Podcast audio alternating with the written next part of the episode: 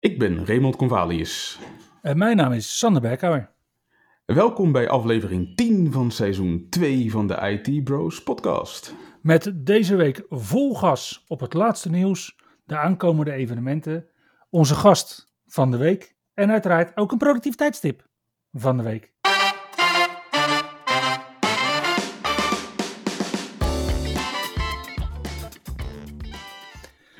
Ja, en deze week was het natuurlijk weer tijd voor de Microsoft Patch Tuesday. En die viel deze maand op dinsdag 8 maart 2022. Ja, en er eh, is best wel wat uh, geadresseerd. Ik zag totaal 71 kwetsbaarheden. Beetje vertekend beeld, want er zit natuurlijk uh, altijd een flink aandeel in Microsoft Edge. Mm -hmm. Er waren er deze maand dan 21. En daarvan waren er drie zero-day kwetsbaarheden. Het meest gevoelige lek heeft een CVS-score van 8,8 en 7,9, dus het valt allemaal wel mee. En dat is CVE 2022-21990. En dat is een Remote Desktop Client Remote Code Execution Vulnerability. En daarmee kan een kwaadwillende met een RDS-server code uitvoeren op verbindende RDP-clients. Apart. Yes, de andere twee zero-day kwetsbaarheden uh, waren kwetsbaarheden in de Windows Fax en Scan servers. Die moet natuurlijk uitstaan, want niemand faxt meer. Maar heb je hem nog aanstaan, dan kan je last gaan krijgen van een Elevation of Privilege kwetsbaarheid. En er was ook een kwetsbaarheid in .NET en Visual Studio. Ook een Remote Code Execution kwetsbaarheid. En dit lek kan worden misbruikt wanneer een Visual Studio gebruiker een kwaadwillend package downloadt. Maar ja, het slachtoffer dient het package wel zelf te installeren. Dus je snapt dat de CVS-score dan uh, niet hoger kan uitvallen dan 6.3 en 5.5. Mm -hmm. Wat ik interessant vond, was een SMB Remote Code Execution Vulnerability. En dan ja, weet je, waarom vind ik deze dan interessant? Nou, het is niet omdat hij alleen maar van toepassing op Windows Server 2022 is, dat is natuurlijk wel interessant. Maar omdat het een nieuwe feature is die daadwerkelijk geïntroduceerd is in dat besturingssysteem. Hmm. Omdat hij een CVS-score heeft van 8,8 en 7,7. Maar wat ik vond, is dat hij heel erg lijkt op een kwetsbaarheid van exact twee jaar geleden. En die had een CVS-score van 10 en 9,0. nou, wat is er aan de hand als je een fileserver hebt en domain controllers zijn standaard fileservers. Dus je hoeft niet te raden waarom mijn interesse gewekt was. Deze keer moet een aanvaller wel geauthenticeerd zijn, terwijl die twee jaar geleden niet geauthenticeerd hoefde te zijn. Tja, op domain controllers kan je SMB standaard niet uitzetten. Je kunt de SMB compressie feature wel uitzetten en dat is een tijdelijke workaround die je kunt gebruiken. En voor de rest geldt natuurlijk uh, updaten van Windows Server. Yes. Nou, ook Exchange blijft deze maand niet verschoond van een belangrijke update. Namelijk uh, CVE 2022-23277 adresseert een uh, remote code execution kwetsbaarheid in Exchange met een CVS-score van 8.8 of 7.7.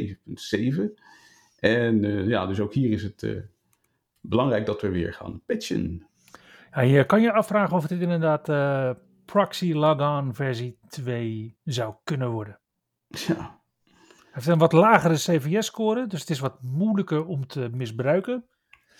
Maar ja, de resultaten van, uh, van de vorige exchange kwetsbaarheden, die mogen er zijn. Tenminste, als je aan de kant staat van kwaadwillenden. Ja. Nu moet ik zeggen dat bij mij de ervaringen met deze Patch Tuesday nou niet direct hoopgevend waren. Ik installeerde hem gisteren op mijn uh, machine. Die draait hier uh, Windows 11 21H2 in de beta channel. Mm -hmm. En nou, normaal gesproken super stabiele machine, nooit issues mee. Dus ik uh, dacht gisteren van ik installeer uh, de update van Patch Tuesday. En hij gaf van tevoren keurig netjes aan van nou dat gaat ongeveer vier minuten te duren. Nou die vier minuten duurde bij mij iets langer, want ik uh, liet dus de update installeren. Dat duurde inderdaad een minuut of vier. En vervolgens tijdens het booten toen hing die in de fase waarbij die zeg maar zo een cirkeltje met van die punten laat zien. Mm -hmm. Dus toen heb ik hem geforceerd maar weer uitgezet. Vervolgens liet ik hem weer opstarten. Toen leek hij door te gaan na die cirkel met puntjes, maar toen bleef het steken bij een black screen. Nog voordat ik een logonscherm kreeg. Nou, toen deed ik voor de derde keer. Nou, toen kwam er inderdaad een logonscherm. Ik denk, nou, misschien gaat hij het toch nog doen. Alleen toen ik daarna inlogde, toen bleef het scherm weer zwart. Toen begon ik toch wel enigszins angstig te worden, moet ik zeggen. Ja, dat is je productiemachine, vriend. Precies. Hè? Maar de vierde keer deed hij het gewoon. Nou, zal ik dan eens uh, mijn ervaringen delen met uh, Windows 10 versie 21H2? Nou. Omdat het zo'n mooi contrast is met jouw Windows 11 versie 21H2. Vier minuten vanaf herstart naar succesvolle boot. Oké. Okay. Geen vuiltje aan de lucht, net als het weer van afgelopen week. Tja, nou ja, dat hoopte Rudy Ooms ook toen hij ging testen of zijn uh, Windows Reset bug uh, succesvol is opgelost door Microsoft. Ten slotte had Microsoft aangekondigd dat ze uh, ook hiervoor een oplossing hadden gevonden met deze Patch Tuesday. Dus hij ging hoopvol aan de slag, installeerde de update, deed een remote wipe van zijn machine en zag nog steeds de Windows.old folder en de data die niet is gewist. Nou, toen ging hij nog even verder lezen en toen bleek er inderdaad in de release notes iets te staan over dat het zeven dagen kan duren voordat deze patch zijn werk ging doen. Nou, dat vond hij wel heel vreemd. En vervolgens, toen hij weer verder las, vond hij dat er ook nog ergens stond: voor immediate resolution, you can manually trigger Windows Update Troubleshooter. Dus dan moest hij dus de troubleshooter starten om de onbedoeld nog aanwezige data te wissen. En wat bleek, na flink wat research, inderdaad, als je die troubleshooter start, dan start er geloof ik een scheduled task. En die scheduled task, die start vervolgens een script. En wat doet dat script? Nou ja, precies hetzelfde als wat Rudy deed met zijn script. Dus uh, ja, ik heb wel enig, uh, enigszins mixed feelings uh, bij deze fix van Microsoft. Maar ja, kunnen we echt verwachten dat zoiets binnen een maand is gefixt? Met alle quality assurance, testing, documentatie, dingen die Microsoft voor zoiets moet doen? Nou ja, als Microsoft het een fix noemt, bedoel is meer een workaround dan een fix, als ik dit zo hoor. Zeker. Ja, misschien volgende maand. We gaan, uh, we gaan volgende maand gewoon weer kijken. Inderdaad. Ook Google was aan de slag gegaan en heeft de Android March 2022 Security Updates uitgebracht. Er zijn updates uitgebracht voor Android 10, 11 en 12. En totaal zijn er 39 kwetsbaarheden geadresseerd, waarvan drie kritieke kwetsbaarheden. Er is een Escalation of Privilege kwetsbaarheid in een Android systeemcomponent, CVE 2021-39708. Hiervoor is geen gebruikersinteractie benodigd, zijn geen verdere privileges benodigd. Dus waarschijnlijk kunnen we raden wat de CVS-score is. Mhm. Daarnaast zijn er twee andere kwetsbaarheden, namelijk CVE 2021-1942 en CVE 2021-35110, die zich bevinden in Qualcomm-componenten. Dus niet alle Android-apparaten zijn daarbij betrokken. En Qualcomm heeft een lijstje met alle apparaten waar dit wel kritiek voor is en dus zeer spoedig moet worden gepatcht. Ja, wat ook spoedig moet worden gepatcht is uh, Mozilla Firefox, als je dat nog niet hebt gedaan. Namelijk op 5 maart heeft Firefox versie 97.0.2 uitgebracht. Mm En daarin worden twee kritische kwetsbaarheden opgelost die al actief worden misbruikt. Dus uh, zogenaamde zero days. En om ons niet op verkeerde ideeën te brengen, hebben ze daar zo min mogelijk details bij vrijgegeven. Maar de CVE-nummers zijn wel bekend, namelijk CVE 2022 26485 en CVE 2022 26486. De eerste gaat over een uh, remote code execution vulnerability en de tweede over een sandbox escape. En het advies is patch zo snel mogelijk. Waar ze de afgelopen week ook met hun handen in het haar hebben gezeten, was uh, bij de ontwikkelaars van de Linux kernel. Daar werd namelijk het Dirty Pipe lek gedicht. En hier betreft het een uh, local privilege escalation, dus eentje waarmee je heel makkelijk jezelf roetrechten kan geven. En deze werd uh, ontdekt en openbaar gemaakt door Max Kellerman. Hij heeft dit op uh, 20 februari gemeld bij het uh, developer team. Mm En inmiddels hebben ze het opgelost in uh, Linux kernels versie 5.16.11, 5.15.25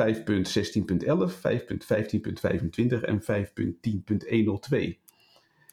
De bijnaam Dirty Pipe voor dit lek is uh, gebaseerd op een uh, lek wat in het verleden bestond, dat heette Dirty Cow. En dat heeft ook toen de tijd tot uh, enorme issues geleid in Linux. Dus laten we hopen dat het deze keer niet zo heel erg wordt. Mocht je in je fysieke datacenter nog gebruik maken van de fijne hardware van APC, en dan vooral de Smart UPS's, de Uninterruptible Power Supplies, Daarin zijn drie kwetsbaarheden ontdekt, dus ook deze mag je gaan aanpakken. CVE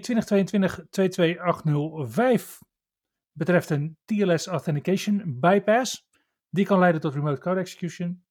CVE 22806 is een buffer overflow, die tot hetzelfde resultaat kan leiden. En CVE 2022-0715 adresseert niet ondertekende firmware updates. Er is proof of concept code uitgebracht die een APC Smart UPS in rook heeft doen opgaan. En dat is niet waarvoor ze zijn bedoeld. Ik vind Echt het wel niet. een hele mooie. Yes. Ja, totdat het je. Totdat het een zodanig bekende kwetsbaarheid met batterijen is. dat het ook je Tesla eh, gaat raken. Dan vind je denk ik ineens eh, wat minder, eh, Raymond. Ja, ja, ja, nee, dan zou ik inderdaad niet staan te juichen naast een rokende Tesla. Weet je wat ik trouwens wel heel erg gaaf vond deze week? Nou, Dat Microsoft met een Security Architect Expert certificering komt. ja, eigenlijk had ik deze al een tijdje verwacht. hè. Ik denk dat Microsoft even heeft gewacht met het uitbrengen van deze certificering tot ze klaar waren met hun eerstvolgende security examen, namelijk examen SC100.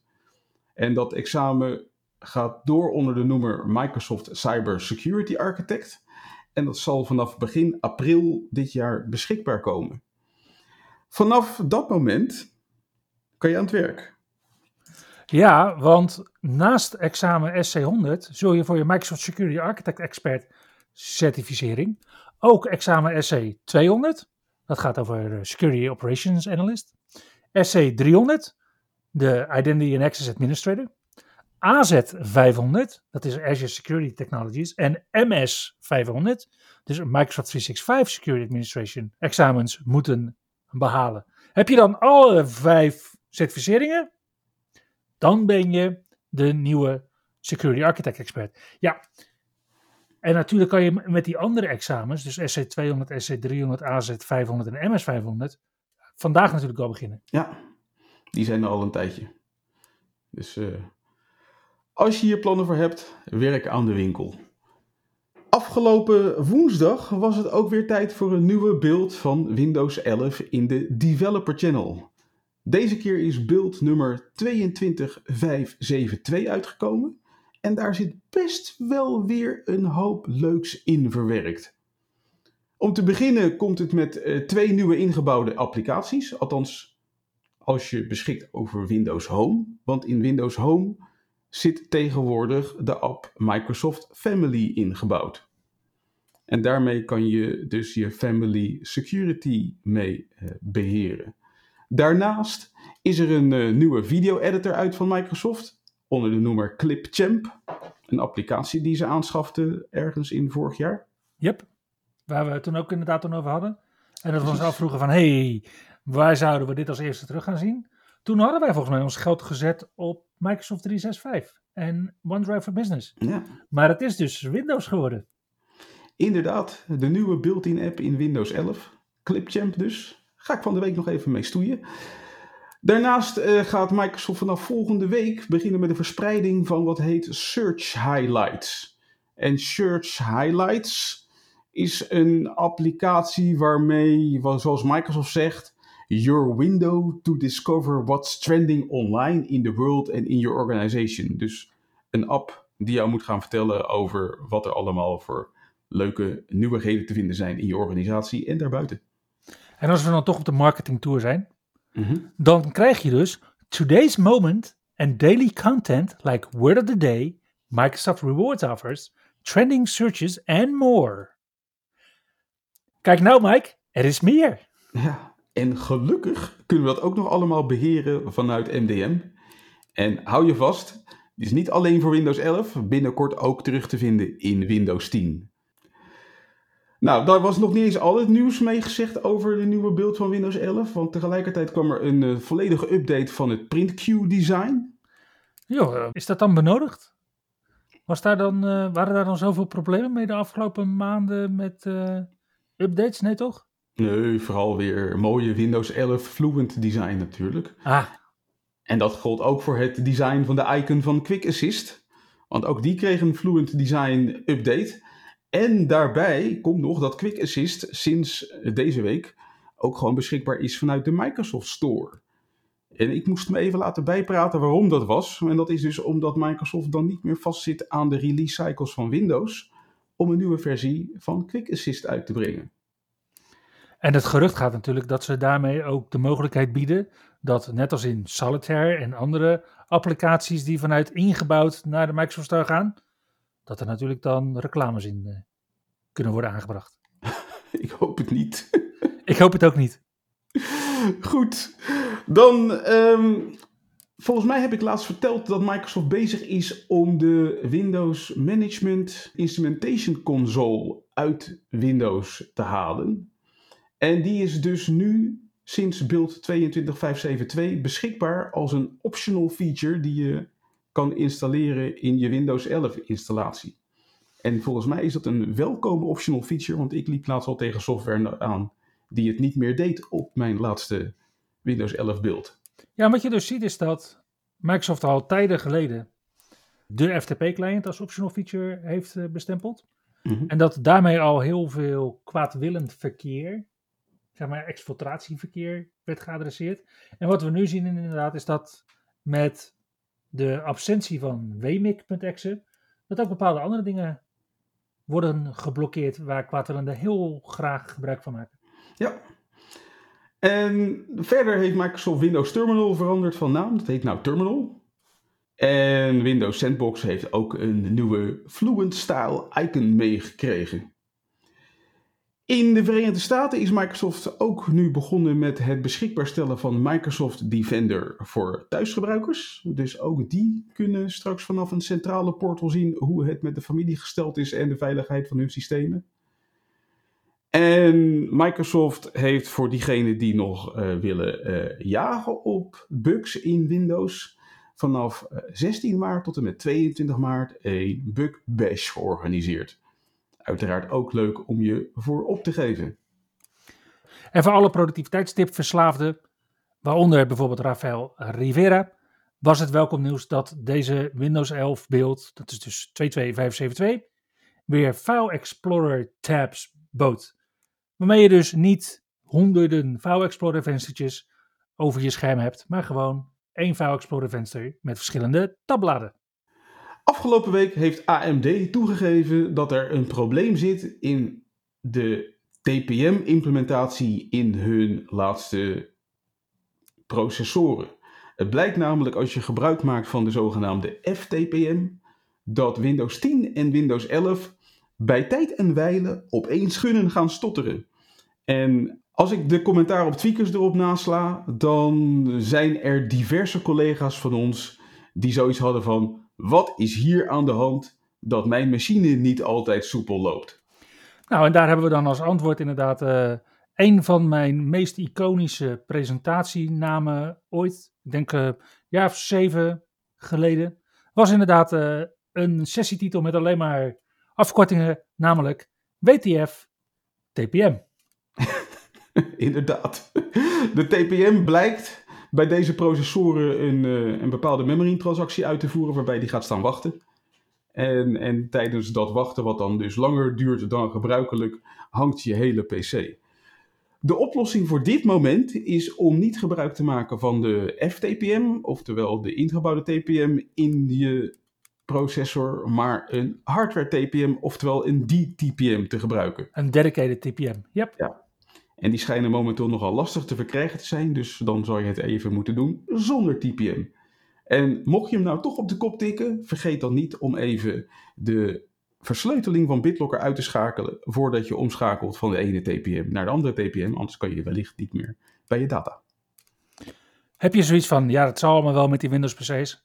Laat ik eens kijken, weet je wel, ik ga gewoon omwisselen naar Mac.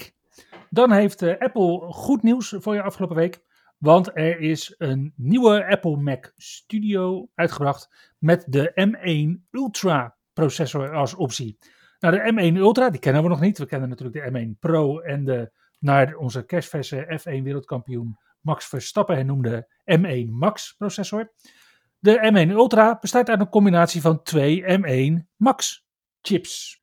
Die met elkaar verbonden zijn via het Ultra Fusion protocol. En dat biedt 2,5 terabyte per Daarmee krijg je effectief dus 20 CPU-cores en maximaal 64 GPU-cores tot je beschikking. Nou, die Apple Mac Studio, dat ziet er een beetje uit als een Apple Mac Mini, maar dan ja, zo'n beetje dubbele hoogte, Mhm. denk ik. En die kun je nu combineren met de nieuwe Apple Studio Display met 5K-resolutie. Die heeft een eh, A13 SOC en een 12 megapixel webcam. En die kost 1779 euro. Werkt ook in Windows, maar dan met eh, momenteel beperkte functionaliteit. Je hebt zo bijvoorbeeld geen center stage en je hebt geen spatial audio. Dat is natuurlijk leuk voor op je bureau. Ben je wat eh, meer eh, mobiel bezig, dan kun je ook kiezen voor de nieuwe iPad Air. Deze heeft een frontcamera met ultra groothoeklens en, dit is nieuw, ook een M1 processor. En is beschikbaar voor net geen 700 euro. Wil je dan nog iets kleiner, dan kun je kiezen voor de nieuwe iPhone SE. Deze is er naast 5G ook nog steeds met de oude vertrouwde home-knop. En gaat 529 euro kosten. En als je thuis ook lekker aan de slag wil, dan kun je kiezen voor een HomePod Mini. En deze komt eind maart uit in Nederland en België voor 109 euro.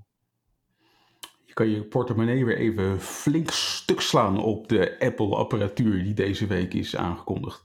Ja, we zeiden het vorig jaar ook al eventjes, toen de iPad Mini werd vernieuwd. Toen zeiden wij van ja, dat is eigenlijk de mini van de toenmalige iPad Air. En nu zien we inderdaad de iPad Air weer een sprongetje maken, meer richting de eh, Apple All-in-Ones en dat soort dingen qua processorkracht. Ja, inderdaad. Alles schuift weer een tikkie op en wordt daarmee weer een tikkie fijner om te gebruiken. Mocht je nu een fijne gebruiker zijn van Microsoft 365, dan is er ook nieuws van Veeam.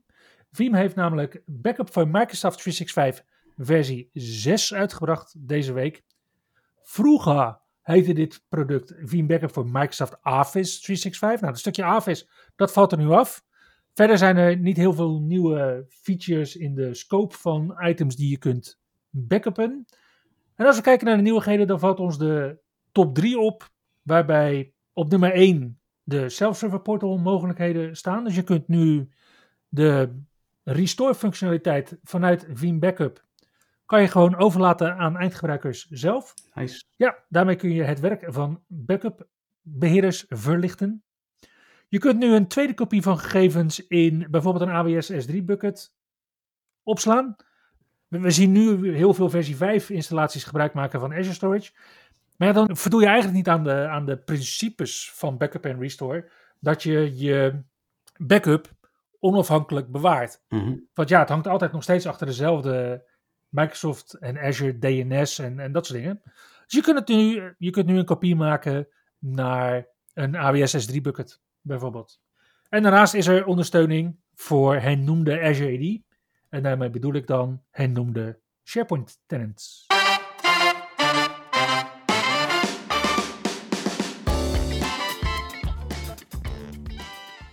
Voor de evenementen van deze week beginnen we aankomende dinsdag 15 maart weer met de Spring 2022 Security Webinars van Microsoft. Met deze keer een sessie over Microsoft Defender for Cloud en de sessie heet Demystifying Microsoft Defender for Containers. Deze webinars vinden plaats tussen 5 en 6 smiddags. En aansluitend kun je op dinsdag 15 maart ook aansluiten bij de Dutch Cloud Meetup.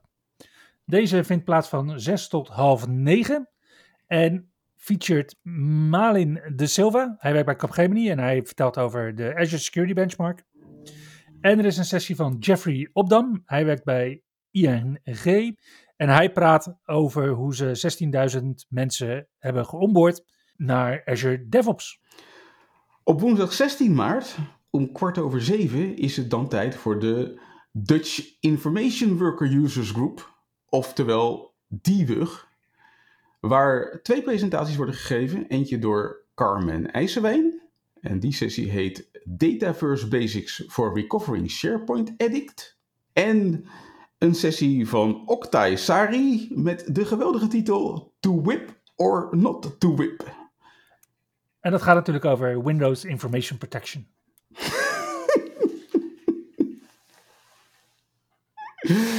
yes.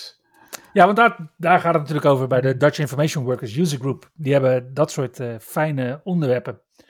Wil je meer richting endpoint management en dus ook Windows 365 en aanverwante technologieën sessies volgen, dan kun je volgende week terecht bij de Nordic Virtual Summit. Deze vindt plaats op woensdag 16 maart en donderdag 17 maart. Met volop virtuele sessies van al onze overbekende MVP-maatjes en andere grote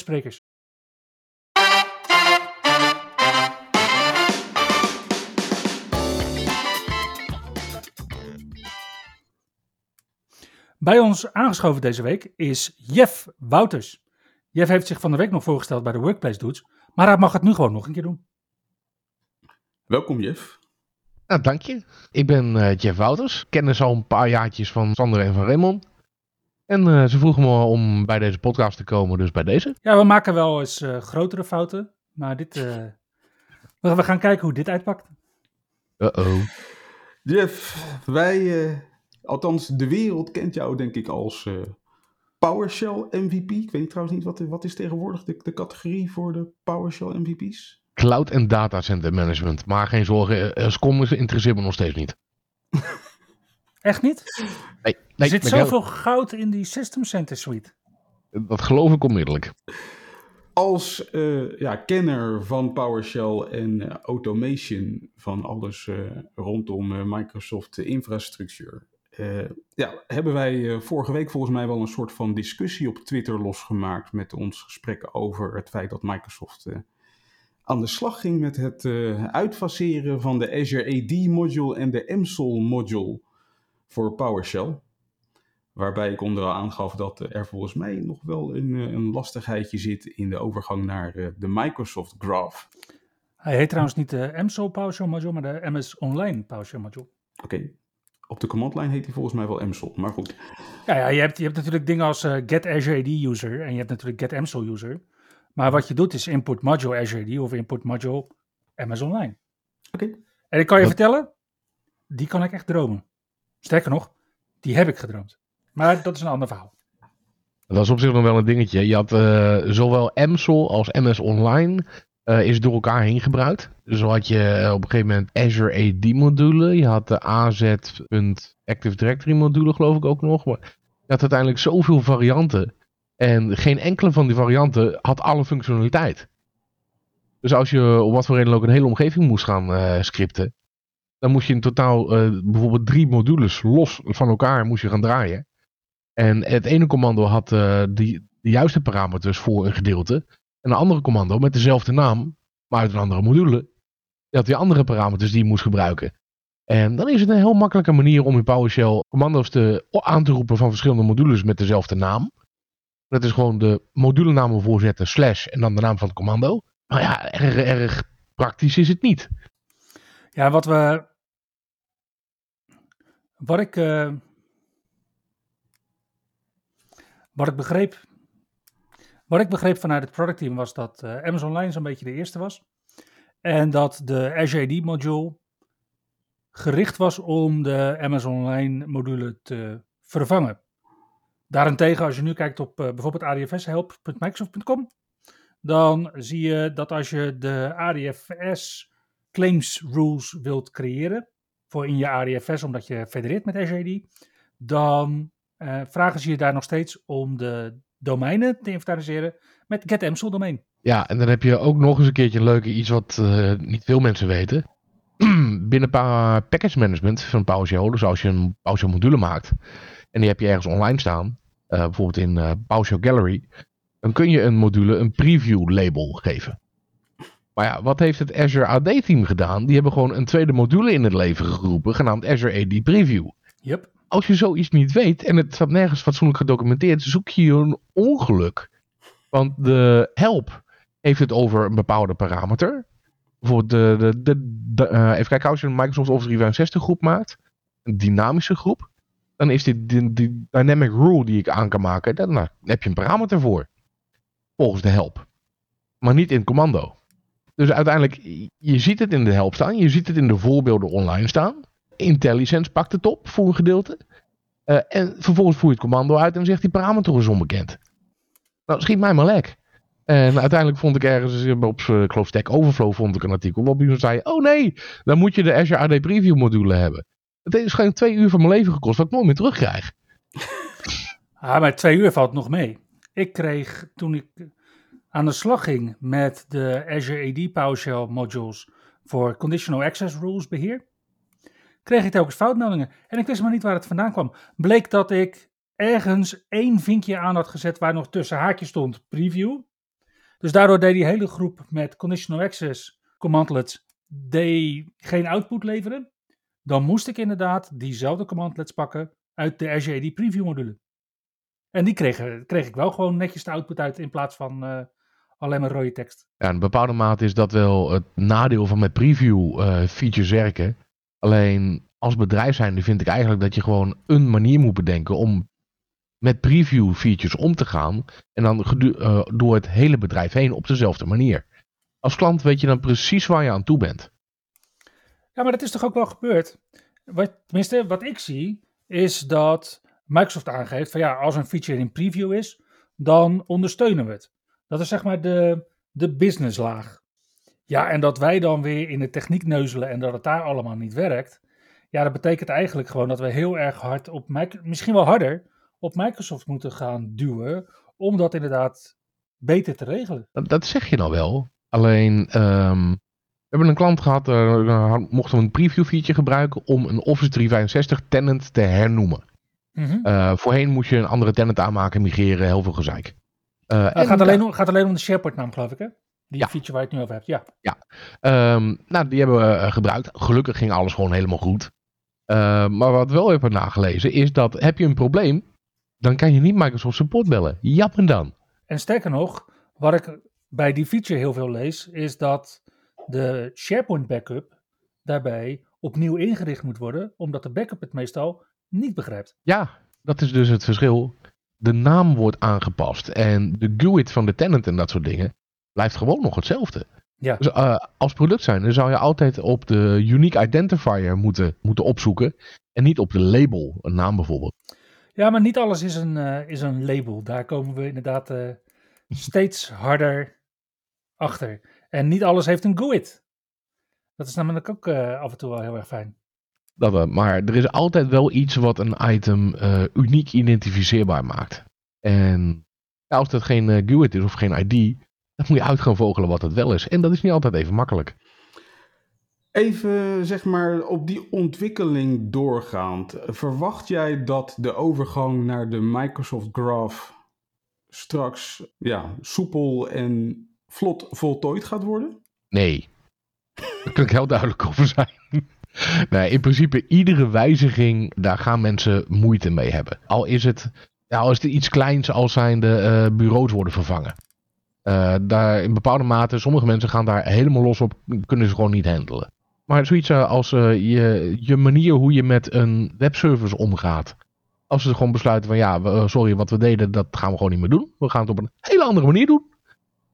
met wat allemaal voordelen heeft, tuurlijk, prima. Maar het werkt op een andere manier. En mensen moeten dat opnieuw gaan leren. Ja, dat mensen omarmen veranderingen op die manier niet zo makkelijk. En heel belangrijk dat de tooling en de documentatie goed is. Kijk, de geruchten die ik hoor, is dat een van de dingen waarom Microsoft niet echt door kan duwen met de, Microsoft Authentication Libraries, dus de ADAL naar MSAL migratie, is omdat MSAL niet werkt met ADFS op Windows Server 2012 R2. Dat zou heel erg pijnlijk zijn. Uh, ik heb daar nog niks over gehoord. Dat uh, ja, is mij onbekend. Maar als dat zo is, dan is dat voor veel bedrijven toch wel belemmerend, lijkt me. Ja, en het zou me niks verbazen als er inderdaad een uh, grote organisatie is waar Microsoft nou contact mee heeft.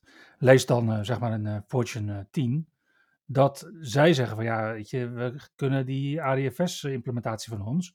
En dat kunnen best grote implementaties zijn. Ray en ik kennen ook een vrij forse ADFS-implementatie hier in Nederland.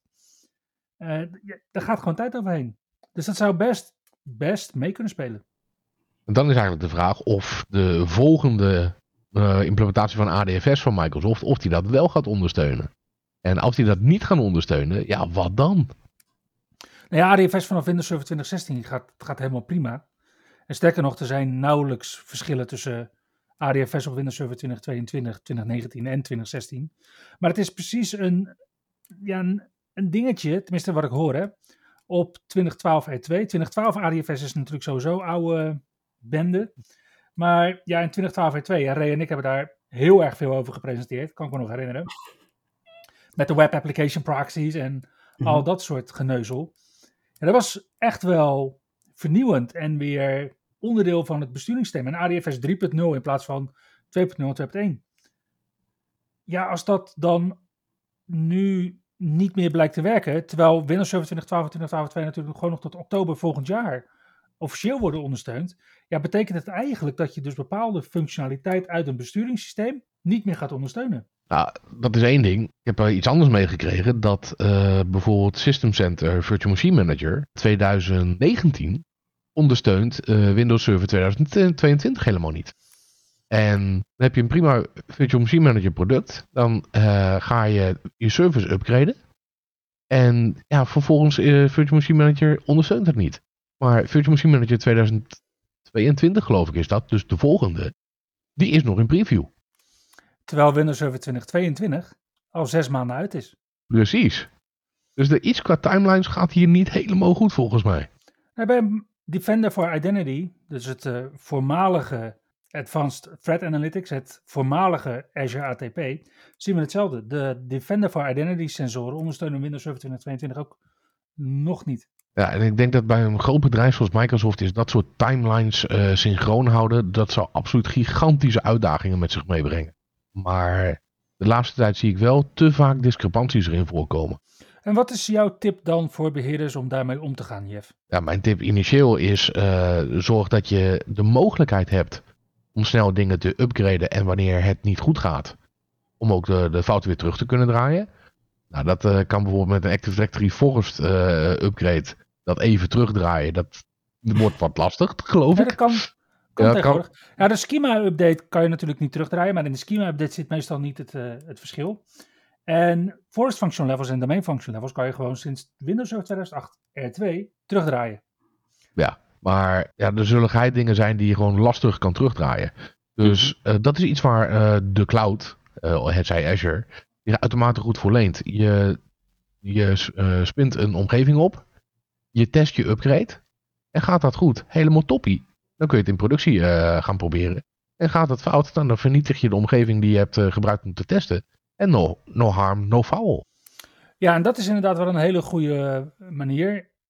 Ja, daar zie ik ook wel toegevoegde waarde voor een aanpak zoals Infrastructure as Code. Om zo'n omgeving op productniveau in ieder geval gelijk te trekken. Omdat je daar inderdaad op productniveau de discrepanties eruit kunt werken. Als je gaat kijken naar de, de inrichting binnen Active Directory bijvoorbeeld, dan weet ik niet of infrastructure as code wel de juiste oplossing is. Dan zou ik misschien eerder backups gaan restoren. Ik ken een bedrijf wat in het verleden, ik geloof niet op Azure, maar dat was een ouderwets, dus aanstekers datacenter. Mm Die gebruikte een disaster recovery uh, systematiek daarvoor. En die deden gewoon een, uh, een disaster recovery in hun secundaire datacenter. Uh, en dat deden ze iets van twee keer per jaar. Om eigenlijk alleen maar de zulke grote upgrades uh, massaal door te voeren. Om dat gewoon te testen. Want je kan prima een product upgraden. Maar als daardoor je integratie met andere producten omvalt. Dan heb je toch echt wel flinke problemen in productie. Ja, ik ken een uh, organisatie die dat uh, maandelijks doet. die nu ook steeds meer bezig is om de normale tests, zeg maar, ook te automatiseren. Dus het, het kunnen aanmelden, het kunnen connecten, dat soort dingen, dat, dat soort dingen ook te automatiseren. En daar gaat echt heel veel werk in zitten. En dat is ja, nog weinig gepioneerd, zie ik. En wel een leuk dingetje, uh, dat is een concept wat ik vaker voorbij heb zien komen. En het concept bevalt me heel erg. Mensen, sommige mensen zeggen disaster recovery is niet meer nodig. Dat vind ik een klein beetje een gevaarlijke uitspraak, want uiteindelijk het gaat om je data.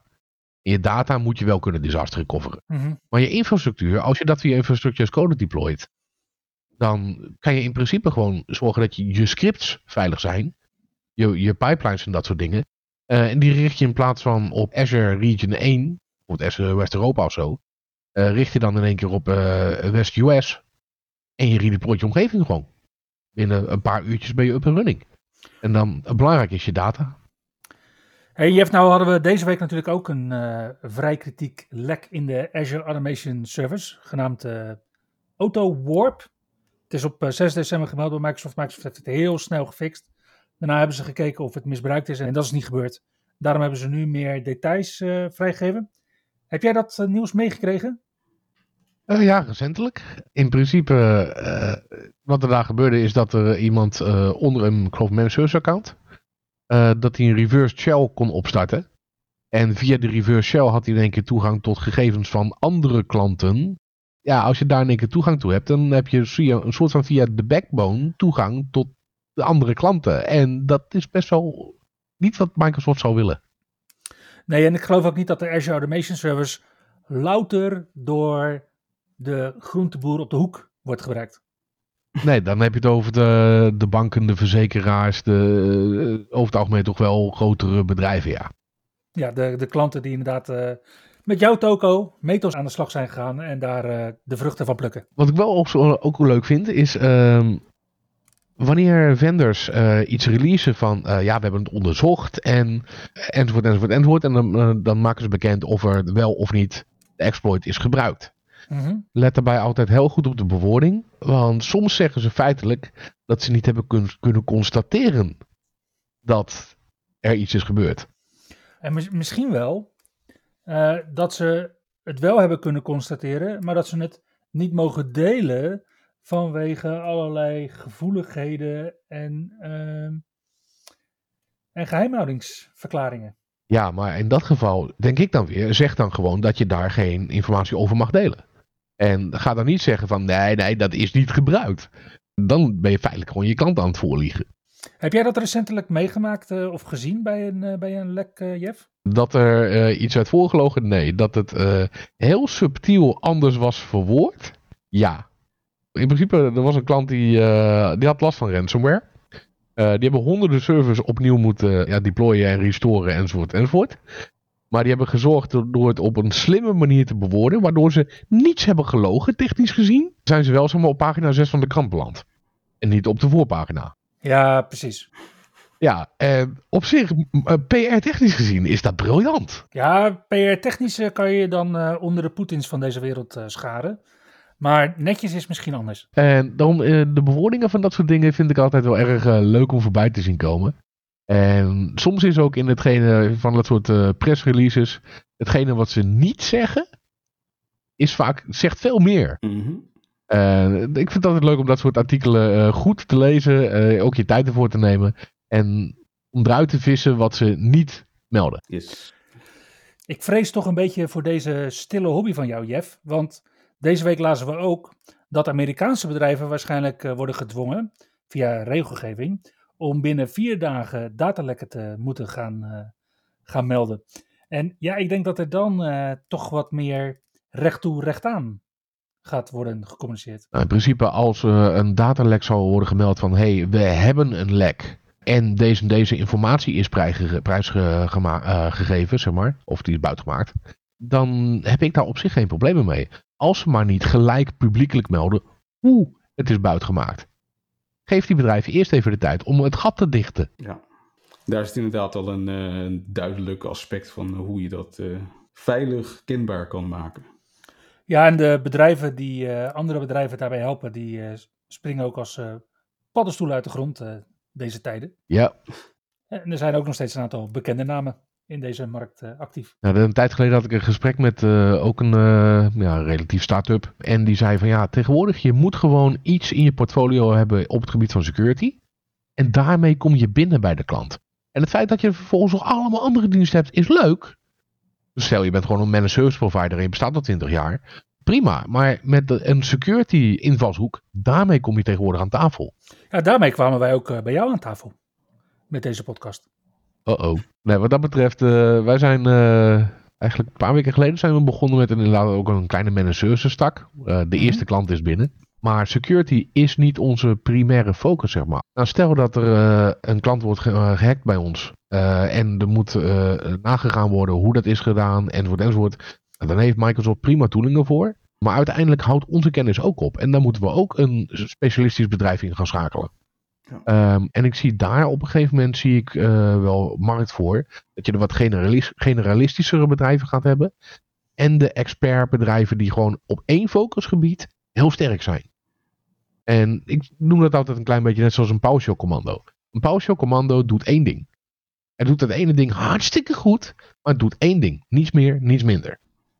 Kun je zeggen one trick pony. Maar als je focusgebied automatisering is, of je focusgebied is security, of je focusgebied is uh, collaboration. Dat zijn best wel sterke en toch wel brede focusgebieden.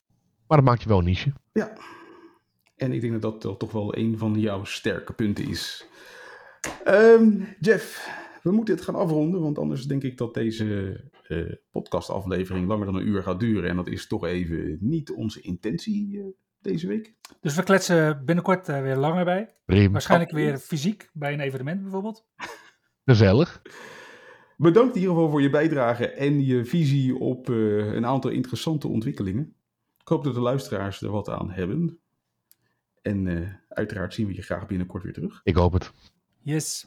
Dag Jeff. Doei. Doei. doei.